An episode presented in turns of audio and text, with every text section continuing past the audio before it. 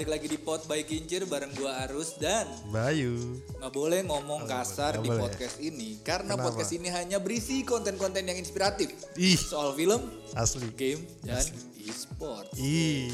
Baik, gimana liburannya, Bay? Akhirnya masuk lagi kita kerja. Emang iya? Iya, Emang masuk, liburan? masuk masuk masuk kerja langsung ke bagian piket podcast nih. Ya, eh, iya, Bay. Lo nonton apa selama liburan? Gua nonton Disney Plus, terus gua nonton anime. Iya, apa? Disney Plus apa yang lo Soul, tonton? Soul, Soul. Souls. Ah, menurut lo gimana Souls itu? Bagus. Eh, ini lumayan berat ya sekarang ya si Pixar ya. Maksudnya sebelum-sebelumnya kan juga berat, tapi sekarang kayak berat dewasa, dewasa. Dewasa Asli. banget ya. Bahasan dia tuh sekarang Iya. keimanan, Nah, maut. eh, Terus gimana kita harus menyikapi hidup? iya loh. Anjir. Berat banget ya. Gak kalah berat sama apa yang kejadian di kita 2000 apa yang kejadian di 2020, ya, Bay ya. Oh, asli. Untung gua nggak nontonnya waktu awal-awal pandemi tuh. Kalau enggak udah pusing, nggak bisa keluar, terus nonton tentang kematian. Eh. Iya gak sih? Sebenarnya Souls itu bicara soal ini kan, eh, kesempatan kedua. kan? Iya, betul. Tapi Iya seru sih, konsepnya seru ya konsepnya. Oke daripada kita semakin ngelantur nih, Bay, semakin jauh Asli. obrolannya, semakin Asli. gak jelas. Asli. Kita langsung bahas aja nih ke up- ada update apa aja sih di industri game, e-sports dan film selama seminggu ini. Nggak kapok, tim Pakistan lagi-lagi ketahuan pakai cheat. Ih, Gila. masih ada ya pakai cheat ya. tim e-sport ya. profesional Pakai pakai cheat. cheat. Gue main aja nggak pernah pakai cheat. Emang iya. Iya, walaupun kalah mulu emang. itu yang bikin. Tapi yang menarik ini nih, eh, nama timnya I Don't Lose di ban Hmm. dari PMCO 2020 karena menggunakan cheat. Namanya I Don't Lose, wajar pakai cheat. Dia nggak bisa menerima kekalahan, men. Dia harus harus menang ya. Harus menang Makanya terus. pakai cheat. Iya, I nampaknya tim negara ini pun gak jera untuk melakukan tindakan kecurangan tersebut. Hmm. Pasalnya, tiga tim yaitu Godspeed, Sinister, dan Gold Diggers telah dikeluarkan karena melakukan kecurangan pada pada ajang PUBG Mobile Pakistan Ih. Challenge 2020. Ini gimana, Bayu? Di Kenapa Pakistan ya? kenapa pada nge-cheat semua? Kenapa pada nge-cheat? Bandel banget. Nggak bisa ini. Gila lu. Berarti nggak nggak jago boy. Berarti nggak Iya. jago. E-sport itu kan bagian dari olahraga, Iya bagian dari sport. Harusnya sportivitasnya Harusnya dijunjung tinggi. tinggi. Sini main sama gua, I don't lose. Pasti lu ya kalah. Iya, udah pasti ya kalah. Mereka nggak usah lu. nge-cheat jadinya. Iya, jadi lebih gampang permainannya. Beberapa peserta yang bertanding di babak kualifikasi bot Battleground. Wis. Ada 768 tim yang tersebar dari berbagai regional di Indonesia. Tim-tim yang lolos seleksi akan dibagi menjadi dua grup, yaitu Bolt dan Bolt Experience. Selama tiga hari, seluruh tim akan bersaing untuk memperebutkan 16 kursi di grand final. Tapi sebelumnya mereka harus melewati dua fase kualifikasi dulu. Tanggal 9 Tanggal 9 ini Januari. acaranya turnamen by ESPL nih. Biasanya Hmm. kalau udah turnamen yang dibikin sama ESPL sih keren banget. Ih, Tahu nggak kenapa keren banget? kenapa kenapa? Karena ini tempat kerja kita. Yang gaji. Oke, Asli. tapi menurut gua ini salah satu yang paling menarik dari Kenapa tuh? Yang ada di kita sekarang ini apalagi salah satunya Bolt Battleground ini adalah kita ngasih kesempatan buat para pemain amatur. Ya, buat para pemain at- amatir amatur buat eh, join sebenarnya. Ngerasain gimana sih sebenarnya keseruan skena e-sports di Indonesia gitu. Apalagi Dan tahun baru pasti- ya. Betul, dan yang pasti nih jangan sampai ada I don't lose nih. Kalau ada di Pakistan, Pak. nge-cheat. Gak ada, Pak. Gak ada, Pak. Di Pakistan, Pak. Oh iya beda server. Beda server, Pak. Oke, kabar berikutnya nih ada kabar berita duka cita nih, Bay. Katanya eh, caster senior Indonesia Franz Volva tutup usia akibat COVID-19. Oke, eh, kabar duka datang dari ranah esports tanah air. Seorang caster kawakan yang telah malang melintang di jagat skena kompetitif yaitu Franz Volva dikabarkan meninggal dunia pada Kamis 31 Desember di RSUD Pasar Minggu pukul 5. Nah, eh, kabarnya almarhum nih emang eh, COVID-19 ya. Ya, eh, Kabarnya. gue inget banget di SPL tuh banyak banget turnamen-turnamen yang emang eh, melibatkan eh, Volva, Volva, gitu. ya. Mulai dari Sempet launchingnya Tokopedia TBOF Battle ya, of ya. Friday dulu di Betul. 2018, terus ada beberapa kali juga turnamen di High Ground tuh, Ya. regular season. Dan waktu Piala Presiden Piala yang Presiden pertama juga sempet, ya. eh, di Palembang Ya. itu juga casternya salah satunya Franz. Turut berduka cita. Semenjak berkarir di dunia percasteran, Volva dikenal sebagai salah satu caster untuk game Dota 2. Kemudian dirinya merambah ke game-game lain seperti PUBG Mobile dan Mobile Legends. Kepergian sang caster pun eh, bikin lumayan rame ya, lumayan lumayan rame di Pasti, timeline. pasti. Senior, Eh, soal pada duka senior. cita gitu, mulai dari caster, pro Iya. player, sampai teman-teman di SPL pun yang memang sering sedih. kerja sama sama Volva eh, ikut nunjukin bela suka, eh, eh, Bela bela sungkawa. sungkawa di eh, sosial media. ada yang main Genshin Impact. Nah, di sini kehadiran variasi karakter di Genshin Impact membuat game RPG ini cukup berkesan. Nah, sekarang ini eh, di update yang baru nih, update 1 1.2 itu katanya eh, yang katanya akan bulan depan adanya bakal ada karakter baru bernama Hutao yang merupakan pengguna elemen pyro dan senjata tombak katanya sedang dalam pengembangan. Nah, lu main Genshin Impact? Main. Terus Kok lu ketawa? gue gak percaya. Enggak, karena menurut gue, gue sebagai penikmat RPG ya, gue banyak RPG. main RPG mulai dari Darkness Rises sampai dan kawan-kawannya lah. Ah, ah. Tapi Genshin Impact ini salah satu game free Hmm. yang walaupun tetap ada gacanya, tapi eh, yang paling bagus menurut gue baik. Nah, grafis. Grafis, Hmm. gameplay, story, perfect menurut gue. Jadi ya gue main ini lo main lah, beneran. Dan Gue pengen main gue. iya iya lo harus main, lo harus main. Sampai masuk ini kan The Game Awards tapi kalah. Iya. Dia Di dominasi Game Awards. Kincir People's Choice Award juga dia masuk ke dua besar Iya, kalau nggak salah iya. ya, dua besar. Tapi emang kalah karena game baru sih. Tapi bagus. Menurut gue dan menurut gue MiHoYo ini Hmm. termasuk salah satu developer game atau publisher atau apa pun itu yang paling eh, promising. Oh, Promising. Kita tahu Honkai Impact. Hmm, Honkai Impact. Ya walaupun itu masih terlalu segmented, Hmm. tapi ketika kita ngomongin soal Genshin Impact, Tapi- masuk CNN boy, Asli. Karena sudah ya sejauh sudah itu ya. placement. sudah pasti. Sudah pasti. Aduh, eh nih kabar berikutnya nih, Bay. Kabar berikutnya datang Hmm. dari esports lagi, cuma ini esport eh, Valorant. internasional. Internasional. Oke. Salah satu legenda hidup skena kompetitif Counter-Strike Global, Global Offensive yaitu Hmm. Christopher Getright, Alesun membawa kabar kepindahannya ke game lain. Wow. Bisa ketebak game lainnya apa? Valorant. Valorant. Nah, sebenarnya Valorant ini juga salah satu yang paling menarik nih. Hmm. Menarik, menarik. Kita tahu gimana uh, Riot itu bisa maintain komunitas Hmm. dan hype dari turnamen-turnamennya dengan baik. Iya loh. Iya kan? Gokil. Dan Indonesia juga udah mulai. Ya, betul. Kemarin sempat banyak. Strike Mm. dan tahun ini juga katanya bakal ada banyak turnamen resmi yang dia gelar di Indonesia dan gue yakin uh, kepindahannya Get Right ini ya kita bisa lihat lah kenapa banyak uh, tim-tim luar yang akhirnya memutuskan untuk pindah, ke Pindah ke Valorant. Valorant. Karena apa? Karena Valorant promising kalau menurut gue gitu. Dan semoga sih di Indonesia juga kayak gitu ya. Asli. Semoga. Semoga.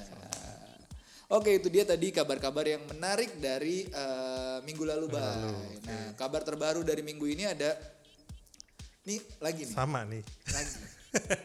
Ini kabar yang bikin e-sport tuh jadi enggak enggak e-sport itu baik. Sebenarnya baik. E-sport itu baik, banyak baiknya. Cuma ini Iya. kadang emang Suka rese aja. Iya, karena industrinya terlanjur besar, kadung besar, mungkin mereka melihat potensi eh, prize poolnya juga amat sangat besar. Jadi mereka menghalalkan ya. Iya, jadi hasrat untuk menangnya sangat menggelora. Idi. Gila nggak nih? Nih ada satu ada satu berita lagi dari Dota 2. Akibat match fixing, mantan juara dunia terkena ban. Mantan juara dunia. Mantan juara dunia match fixing. Harusnya mantan juara bupati atau gubernur. Tapi kenapa dia harus match fixing? Hadiahnya juga paling cuma pulsa 200 ribu. Emang iya. juara dunia. Aduh, nih banyak sekali godaan yang menerpa para atlet e-sports, betul.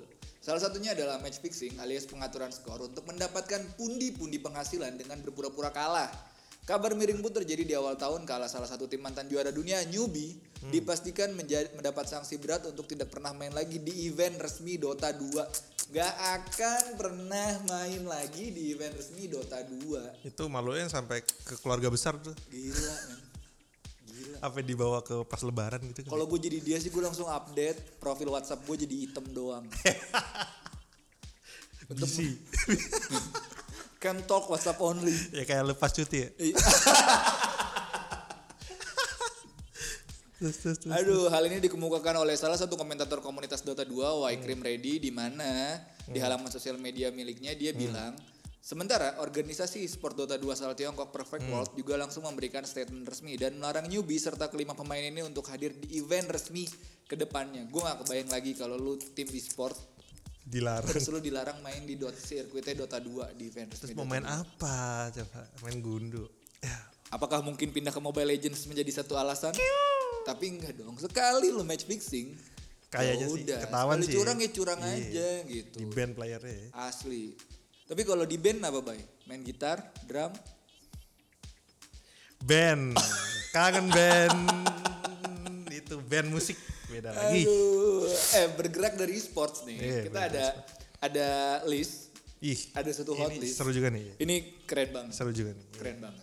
Ini film ya. Ini kita Film, ngomongin film, film, film. sekarang, Sekarang ya, film ngomongin nih. film. Iya. Ramalan meleset 5 peristiwa film berlatar 2020 ini nggak kejadian. Untung sih bayi nggak kejadian. Ada apa nih? Kalau kejadian, lu kebayang nggak 2020 seancur apa Jo? Udah hancur, makin hancur. Udah hancur. Harus ada kejadian-kejadian ini lagi. Sedih boy, pakai boy. Sedih bet, sedih bet. Nomor gak satu, nomor satu. Oke, nomor satu Bay. Mission to Mars. Ini film tahun 2000. Jadi ceritanya 20 tahun lalu Brian De Palma membuat fiksi ilmiah bertajuk Mission to Mars. Film ini terinspirasi dari geliatnya NASA dalam mengembangkan pengetahuan luar angkasa. Salah satunya planet Mars. Nah, katanya nih di film ini nah kan eh, nah di film ini Brian De Palma membuat film ini, film ini dengan cerita tiga orang astronot yang pergi ke Mars pada tahun 2020 misinya ini mencari kebenaran apakah benar Mars adalah planet yang dihuni oleh makhluk yang menjadi cikal bakal manusia di bumi ih Anjay. konspirasi. Konspirasi. 20 tahun berlalu. Sampai saat ini belum pernah ada astronot yang menginjakan kakinya di Mars. Bahkan tahun tersebut menjadi masa yang tidak mudah untuk NASA dalam mengembangkan penelitian di luar angkasa karena pandemi yang mengikat. Nah kabarnya NASA memang memproyeksikan manusia terbang ke Mars pada 2030 jadi mungkin baru kejadian 2030 nih Rus. Kayaknya nih Rus Tapi bahaya juga sih. Lu kebayang nggak di Indonesia, di dunia ini lagi pandemi. eh. Terus mereka ke Mars bawa COVID, men. kasihan alien yang kena ya Kesian aliennya. nggak ada vaksin lagi di Gak ada vaksin. Iya. Kita aja belum ada. Eh, ada rumah sakit nggak di sana? Eh, Klinik, klinik. Ada dong, ada, Ada. dong. Tapi bohong. Ah! ya iya dong. Di Mars mana ada rumah sakit Nggak sih? ada rumah gimana sakit sih? ya kayaknya. Eh tapi kita nggak bikin COVID sebagai bercandaan loh ini. Enggak, Enggak, enggak. kita Kan- serius. Iya serius. Kita serius berdasarkan fakta yang ada di Iya, di beritanya. iya. Yang kedua nih, Bay. Apa tuh? Ada film Rain of Fire yang dirilis pada Hmm. 2002. Cerita fantasi dari, dari film karya Rob Bowman ini bercerita tentang kemunculan kembali naga di atas dunia yang sudah tidak tentram lagi. Naga-naga. Kenapa ada naga? Indonesia. Enggak, enggak, eh, lu gak boleh gitu. Enggak boleh gitu ya. Katanya nih, naga-naga itu mengancam publik Inggris. Masyarakat Inggris pun bahu-membahu untuk bisa nga- mengalahkan makhluk legenda tersebut dengan segala senjata yang mereka punya. Nah, film itu berlatar pada 2020. Kenapa ada naga tiba-tiba dulu? Enggak, ini yang salah bukan filmnya, tapi Apa lu, Bay. Kenapa tuh? Apa yang salah dengan ada naga di film? Gak ada kan? Gak ada kan? Iya gak ada. Gak ada. Kenapa lu ketawa? Karena biasanya naga itu kan zaman dulu kala Lord of the Rings, Game of Thrones. Game of Thrones. Iya, kenapa tiba-tiba 2020 udah ada mobil terbang tiba-tiba ada naga? Buat apa? Gak, gak kepake. Kepake dong. Buat Nah, apa? di Inggris pada 2020 tidak ada naga yang bangkit. Jadi di, di film ini nih dikasih tahu kalau 2020 tuh bakal ada naga yang bangkit. Tapi seperti yang kita ketahui saat ini di Inggris Apa tidak tuh? ada naga. Asli, adanya? Asli. Adanya apa sih lu pakai pakai nanya gitu kan gue jadi harus feedback nih bingung gue feedback apa Terus, terus, terus, terus. ya pokoknya intinya nih eh, Rain of Fire eh, ini nggak nggak terbukti lah Asli, iya, iya. ya amit amit coy Tiba-tiba ada naga. tiba-tiba ada naga Oh. Edge of Tomorrow ini filmnya Tom Cruise ya. Tom Cruise di sini eh, film ini banyak mendapat pujian dan menangkan sejumlah penghargaan internasional. Sadar atau tidak, film ini berlatarkan tahun 2020. Jadi ceritanya nih di sini eh, tentang invasi alien, invasi alien ke bumi. Alien-alien tersebut jadi ancaman seluruh penduduk bumi dan harus ditumpas. Nah, Tom Cruise ini ber, berperan sebagai Bill Gates yang nggak pernah berperang, tiba-tiba ditugasi untuk mengalahkan para alien yang bersiap menyerang. Jadi dia pakai armor gitu, armor robot gitu buat kalian pasukannya. Nah, ya sadar atau enggak film ini memang berlatarkan tahun 2020. Namun nyatanya pada 2020 jangankan invasi alien, belum ada yang bisa membuktikan alien seperti itu ada apa enggak. emang ada buktinya sih kon- konspirasi konspirasi Tapi di luar dari di luar dari keberadaan Alien dan prediksi Iya. 2020, pertanyaan gua, kenapa nama karakternya harus Bill Cage? kenapa tuh kenapa emang apa yang salah Kayak nyerempet-nyerempet Bill Gates, Bang. Iya sih Iya, sih. apakah ini sebenarnya proyek narsis yang diam-diam Eh. diproduksi oleh Bill Gates? bisa jadi bisa jadi Sak jadi kan. Oke, eh yang keempat nih, yang keempat. Keempat, Ada A keempat. Quiet Place. Film Ih, ini, ini bagus. rilis 2018 dan katanya sequelnya harusnya rilis tahun 2020. iya harusnya betul Harusnya, tapi karena ya pandemi yang menyebalkan ini akhirnya filmnya harus mundur ke 2021. Ini karena film Deg-degan, ini Boy. unik banget kan. Ih, Horornya deg-degan, tuh nggak boleh ada suara sama sekali Iya. kan. jadi ikut diem Asli satu bioskop tuh sepi. Gue tuh makin deg-degan. apalagi pas adegan lu tau gak yang pas dia naik tangga Eh, naik tangga nih pelan-pelan nih karena di atas ada ininya kan alien ya nah itu di, isi ibunya ini nggak sadar kalau ada paku di situ boy tiba-tiba kecerp aja kan nggak boleh teriak tuh "Hmm, kita ikut kerasan "Hmm." Tapi tahu nggak apa yang bikin gue deg-degan nonton film ini di Ah, bioskop? apa? Karena sepi banget. Nah, Gue nggak bisa ngapa-ngapain. dasar dasar Tapi jujur ya, ini salah satu film horor yang hadir dengan konsep sangat berbeda gitu dan asli gue personally sangat menunggu sequel dari A Hmm. Ih, Quiet Place ini. sama sama Semoga 2021 nggak mundur lagi ya. Cuma sayang banget gak sih kalau film ini jadi cuma tayang di eh, layanan streaming di streaming bioskop. nggak maksimal boy Iya kan? emang harus di bioskop Iya, Emang harus di- tahan nafas, tahan Asli. teriak rame-ramenya tuh Ih. kayak kita ikutan gitu kan. Ih. Oke, berikutnya Pak. Yang terakhir The Last Man on Earth 2015. Eh, jadi em, ceritanya tentang Phil, seseorang yang mengira tinggal dirinya sendiri yang hidup di bumi pada 2020. Dia mencoba bunuh diri karena merasa sia-sia hidup sendiri. Sampai dia menemukan orang lain yang ternyata masih hidup bernama Carol. Mereka berdua mencoba untuk membangun peradaban baru di bumi dengan mencari kembali orang-orang yang masih hidup. Nah, sayangnya 2020 ini tidak tidak seperti itu ternyata kan. Bersyukurlah kita karena apa yang terjadi di serial ini tidak benar-benar menimpa bumi yang sekarang masih dilanda pandemi ini. Untungnya, untungnya. Nih ini salah satu hal yang bikin gua tersadar ya. Kenapa tuh? Banyak banget men doa-doa yang bikin 2020 tuh semenyeramkan ini. Iya, Iya gak sih? Iya, Mulai iya. ada dari naga, Ke Mars. invasi alien. Ya Allah. Iya kan? Aneh-aneh dah. Ditambah lagi nih, nih ada ada satu hal. Ini jangan jadiin konspirasi ya. Cuma ini ada meme. Postingannya menurut gua eh, anjay banget Apa tuh? Apa tuh? Apa tuh? Lu tau nggak? Lu eh, jadi tahun lalu. Ah. Tahun lalu tuh kita masih ngerasain hype-nya banget Avengers Endgame. Oh iya iya iya. iya. Iya dong, kita tahu gimana kita uh, wah akhirnya Nonton subuh-subuh, nonton. Iya, tontonan kita selama hampir 11 tahun ya kita ngikutin Iya. dari Iron Man pertama muncul uh, akhirnya selesai juga. Worth it sekali. Jadi tahun lalu itu ada tren Hmm. untuk merayakan tahun baru bersama. Di mana lu harus Hmm. nonton Avengers Endgame pada jam sekian. Oh iya yang lo update di stories ya? Iya. Jadi ketika lu jam 12 malam itu pas berbarengan dengan jentikan tangannya uh, Iron- Tony Tony Stark, Stark. Iron Man. Semua orang melakukan itu, men. Dan lu tau apa yang terjadi? Jangan dilanjutin. Ntar kita kena dibilang konspirasi.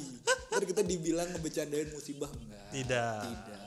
Tidak. Kita cuma membacakan apa yang Ada ada, di sosial media kita. Informasi, aja. betul. Informasi. Asli. Iya kan? Nah, sama kayak banyak hal-hal yang seserem itu tadi. Ih, untung gak kejadian, boy. kejadian di Untung. eh, 2020, alhamdulillah. Alhamdulillah. Ini ada satu artikel lagi nih. Ada satu ada satu daftar lagi. Ini lo suka deh kayaknya. Enggak, enggak. Agak suka. Justru gue benci sama daftar ini. ini adalah daftar 5 karakter anime cowok cabul yang bikin resah. Ini nggak bisa ini Kenapa? ada list Kenapa? kayak gini. Kenapa? Gitu. Cowok itu bukan cabul. Apa tuh? Apa adanya. Dah. Apa adanya cabul. Oke. Oke, nih yang pertama nih, Bay. Ya, yang pertama Ini nih. lo pasti tahu nih. Yang pertama ada Master Rossi atau Dragon Ball atau kita biasa kenal dia sama eh, kakek kura-kura. Kakek kura-kura. Iya, kakek kura-kura yang suka hura-hura, enggak juga Emang sih. Tapi dia iya. jago pura-pura kalau deketin cewek. Oke. Nah, sosok Master Rossi yang ada dalam anime Dragon Ball mungkin bisa disebut tua-tua keladi dalam konteks yang negatif. Sebab di usianya yang sudah menginjak lebih dari 300 tahun yang mana harus dia lebih banyak zikir dan mendekatkan diri kepada Allah Subhanahu wa taala, ya karakter ini justru jadi cabul banget dan kelewatan. Asli. Bayangin ya, dia pernah menyuruh Bulma ngasih lihat pakaian dalamnya dengan iming-iming bakal dikasih satu dari tujuh Dragon Ball. Kayak ini cabul ultimate. nih.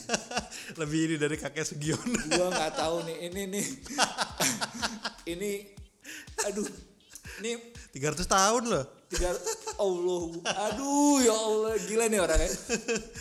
Ini orang nih kalau di neraka, ya. kalau di neraka nih neraka basement, bareng sama kerak-kerak api yang panas. Udah paling bawah deh, udah paling bawah, Bang. paling bawah. 300 tahun dia ngegodain berapa banyak cewek. Cewek. Ya Allah. Kebayang gak lo kalau dia ke PRJ? Kenapa? Berapa banyak SPG yang dimodusin sama dia? Kalau dia main Dead Online Iya. aplikasi Kalau dia main Omegle, Omegle, kalau dia main Omegle gimana ya? Gak ada mau juga Gak ada yang gila. Sifat cabulnya mungkin besar muncul karena Mas Rossi ini tinggal sendirian di sebuah pulau terpencil untuk waktu yang terlalu lama. Makanya kalau dia ngeliat cewek nih, wow, gairah seksualnya langsung melonjak sehingga melakukan tindakan tidak senonoh kepada sang cewek. Tapi sekali lagi ini nggak bisa dibenerin nih. Ya iyalah. Iya, kita tuh harus menghormati perempuan. Gua nomor dua Yudo Issei High School DxD. Wah ini High School DxD itu memang anime ecchi, emang anime ecchi ya. Ya alot, gitu lah. alot dong. Apa tuh? Kok ecchi? Eci, eci alot kan. Eci, Ya. eci goreng. Gue harus masukkan suara itu ke dalam podcast. Nah, eh, nggak heran sih, nggak heran kalau sifat mesum tuh justru berada di karakter utama anime ini. Jadi si Hyode Issei ini karakter utama. Nah, ini sifat mesum ini udah muncul dari episode pertama. Dari episode pertama series anime High School DxD. Tepatnya saat dia mengintip siswi cewek di sekolahnya yang sedang berganti baju. Coba bayangin. Terus selain itu Issei juga dikisahkan punya impian untuk menjadi raja harem. Harem tuh apa ya? Lebih ke cabul juga sih. Oh iya cabul. Iya dong, harem tuh lebih ke cabul sih. Tapi gue jadi kepikiran deh baik, Nah. kenapa banyak eh, anak-anak pelajar, Hmm. mungkin ya anak-anak pelajar ini yang eh, pada mesum. Kenapa tuh? Karena mereka dari kecil udah diajakin ke mesum buat lihat benda bersejarah. Museum. Museum. Salah ya salah, Aduh. salah, salah, salah. Museum. Oke yang ketiga nih ada karakter Jiraiya dari Naruto. Nah, Ya, buat kalian yang nonton anime Naruto tentunya Hmm. gak asing lagi nih sama karakter cabul yang satu ini. Meski termasuk dalam trio Sanin legendaris, Jiraiya justru malah mendapatkan sebutan petapa genit genit. oleh sang karakter utama Naruto saking tingginya tingkat kecabulan dia. Nih Asli. gimana nih, Bay? Lu sebagai penikmat Naruto ada petapa tapi genit tuh gimana Dia- nih? Kontras banget. Dia ini gurunya Naruto kan, Naruto tokoh utama. Terus tiba-tiba di tengah seri Naruto ini butuh guru gitu. Nah, Jiraiya datang, dia pinter, tapi memang mesum. Jadi bayangin tokoh utama yang lu cintai harus diajarin sama guru mesum. Dan itu buat anak kecil kan, kartun buat anak kecil lu bayangin. Udah gitu yang parah katanya si Jiraiya ini selain jadi ninja dia nulis novel dewasa. Nah. Iya, ya. novel dewasa. Ica-Ica Paradise. bisa tuh, bisa tuh. Ica kali isinya gitu ya. Terus yang paling kacau katanya dia pernah nyuruh Naruto untuk ngelakuin teknik seksi jutsu ya. Hmm. Jadi teknik seksi jutsu tuh berubah. Naruto kan bisa seribu bayangan. Nah itu bayangannya semua jadi cewek seksi, telanjang. Demi kepentingan novelnya saat latihan. jadi dia sambil nulis novelnya. Gila gila itu kebutuhan bahan novel. Ini eksploitasi anak di bawah umur nih. Naruto masih kecil kan. Masih kecil itu. di saat itu. Wah gila nih. Jiraya, gue gue bilangin kaseto ya Jiraya. Nah. ya. Oke, yang keempat ada Minoru Mineta, My Hero Academia. Eh, ya ini semua sudah tahu sih. Minoru Mineta ini sebenarnya mm, bisa dibilang nih jadi karakter yang paling dibenci oleh penggemar dari anime tersebut. Jadi bisa dibilang eh, tokoh yang punya jurusnya lengket. Jadi di My Hero Academia kan semuanya punya punya kekuatan kan superhero. Nah di kekuatan dia tuh lengket. Bayangin lu mesum terus kekuatan lu lengket. Jebakan Batman dong. Nempel dong, nemplok dong. Ya makanya. Makanya dia suka sama kekuatannya ceritanya. Nah kepribadian buruknya tersebut bisa dilihat ketika Minerta melakukan kontak fisik dengan karakter cewek di animenya. Kesempatan tersebut selalu dimanfaatkan oleh Mineta untuk menyentuh bagian tubuh dari sang cewek terutama eh, dada dan bokong bahkan saat harus melakukan magang. Mineta memilih untuk melakukannya di agensi milik Mon Lady karena hanya hanya karena sang superhero cewek punya badan seksi. Jadi bayangin lu magang, lu punya kemampuan nempel, bos lu seksi. Ini tuh lu banget ya, Bang. lu banget kan? Lu kan biasanya kalau magang nonton drakor atau nonton apa harus harus ada cewek seksinya kan? iya kan? Itu menggambarkan diri lo sendiri kan? Oke, yang berikutnya, yang berikutnya, yang terakhir nih ada dari One Piece nih, Sanji. Gue heran nih, Sanji. kenapa One Piece ini harus muncul terakhir? Padahal menurut gue di One Piece ini lebih banyak karakter-karakter yang bentuk tubuhnya Asli, menarik. asli. Menarik ya, lebih ke menarik Iya ya. kan. Nah, sebagai anggota dari kelompok bajak laut topi jerami, Hmm. Sanji dikenal sebagai juru masak dengan kemampuan kaki yang sangat dahsyat. Hmm, asli. Tapi ada kepribadian lain yang bisa dibilang sudah sangat melekat pada sosok Sanji, yaitu tingkat mesumnya. Eh, tingkah mesum. Mesium. yaitu tingkah mesumnya yang sangat luar biasa. Hal ini bisa dilihat ketika Sanji mengintip cewek yang sedang mandi, termasuk rekan satu timnya seperti Nami dan juga Robin. Ini yang gue bilang. Gimana ada satu anime dengan karakter seseksi Nami dan Hmm. Robin, tapi nggak ada cowok mesumnya? Nggak mungkin. Terciptalah Sanji. Terciptalah Sanji. Nah, eh, tapi kenapa sih, baik Hmm. menurut lo si Sanji ini backgroundnya bisa cabul kayak gini selain punya teman-teman yang begitu, walaupun itu nggak membenarkan.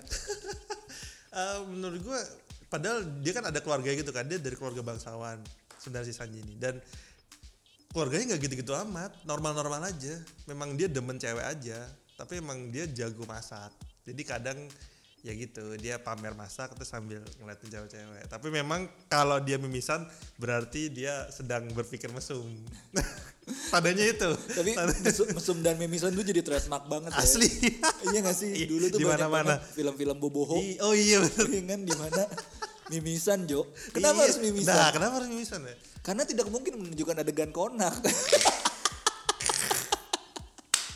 Iya dong. Lebih Iya aman lihat mimisan dong. Nah itu tadi jumlah sejumlah karakter anime cowok yang punya sifat cabul dari sejumlah karakter anime tersebut. Ada gak sih yang jadi favorit kalian? Boleh komen ya. asli komen komen Boleh komen di Instagramnya Kincir. boleh Eh baik, gue penasaran deh baik. Eh, kita dari tadi ngomongin banyak Hmm. film dan anime ya. Dan eh, biasanya momen-momen akhir tahun ini jadi momen yang paling menyenangkan buat kita karena banyak box office rilis Iya, iya, apa iya, iya, iya. segala macam. Eh, yang pengen gue tanya adalah selama liburan ini timeline kita kan lagi rame sama Alice in Borderland. Alice in Borderland gue nonton juga tuh Iya. Menurut lo gimana? gue nggak pernah nonton saya dram jarang nonton drama Jepang ya ternyata yang si Alice ini mendobrak seluruh spekulasi Setuju. iya seluruh apa ya istilahnya standar standar series Jepang dan nggak kelihatan kayak series Jepang gak sih Iya, Ininya, soalnya storiesnya. biasanya, biasanya kalau gue nonton yang Jepang-Jepang itu lebih ke berisik doang, nggak ada ceritanya. apa ya tuh berisik apa ya tuh? adegannya karena dia kalau Adegan, ngomong ya. weh itu aja gitu kan cuma uh, menurut gue benar Alice in Borderlands ini bikin gue jadi punya pandangan baru soal tayangan Jepang gue tahu berkualitas gue tahu bagus-bagus dan banyak judulnya tapi to be honest personally gue nggak pernah Nggak tertarik, tertarik, tapi yeah. Alice in Borderlands ini karena Ternyata. mungkin dia juga pakai apa core idenya itu games kali ya. Hmm, jadi seru. Jadi seru, seru banget. Jadi menarik gitu. Jadi ya itu sih yang bikin gue suka nonton ini. Dan selain selain apa? Nah apa? Gue mau nanya baru selain Enggak, eh, selain eh, tadi balik lagi sebenarnya apa ya ini bukannya culture resistant ya tapi gue tuh nggak nggak terbiasa gitu ngelihat karakter-karakter mereka dengan style rambutnya Harajuku Harajuku. Iya style bicara tapi di sini semuanya gue suka. Iya kelihatan normal ya Iya, kelihatan. mulai dari karakternya, even ke wardrobe, ya kan? Mereka kan di beach itu ceritanya harus pakai baju attire pantai kan? kelihatan masuk akal ya. Iya, semuanya tuh kelihatan jadi make sense dan masuk akal gitu. Menyenangkan lah, menyenangkan Menyenangkan. banget. Eh, iya, terus sama sinematografinya sih. nah ya Gua nggak tahu. dan it- itu lo nonton behind the scene nggak sih yang adegan yang dia di situ di Shibuya itu ternyata green scene Iya sih. Gua bingung gimana caranya bisa syuting kayak gitu. Iya. Sementara kita sama-sama tahu kan, Shibuya Cross itu eh, area Rame paling banget. sibuk dan Asli. rame gitu. Dan Asli. Hmm. per apa eh, pergantiannya tuh lampu merahnya juga paling sebentar banget gitu. Tapi dia Iya. bisa muter-muter lama, terus banyak adegan-adegan. Mm-mm. Ya udah pasti green screen green scene tapi nggak ketahuan kan nggak ketahuan. Nah, Saking saking kerennya. Oke sekian dulu pot by Kincir Selasa ini bareng sama Arus dan Bayu. Mantap. Sampai ketemu Selasa depan. Tapi jangan sampai dilewatin juga. Besok Asli. bakal ada dari teman-teman Ada lagi Kincir yang lebih seru lagi. yang bawain pot by Kincir sama berita-berita menarik dari Asli. Game, Game dan film. film dan E-sport. e-sport. Jangan lupa juga buat teman-teman kalau mau nonton videonya Hmm. ada di channel kita di Kincir uh, Cinema Club dan E espl.id YouTube. atau baca artikelnya di kincir.com. Asli. Gua Arus Gua Bayu. pamit. Dah. Ciao.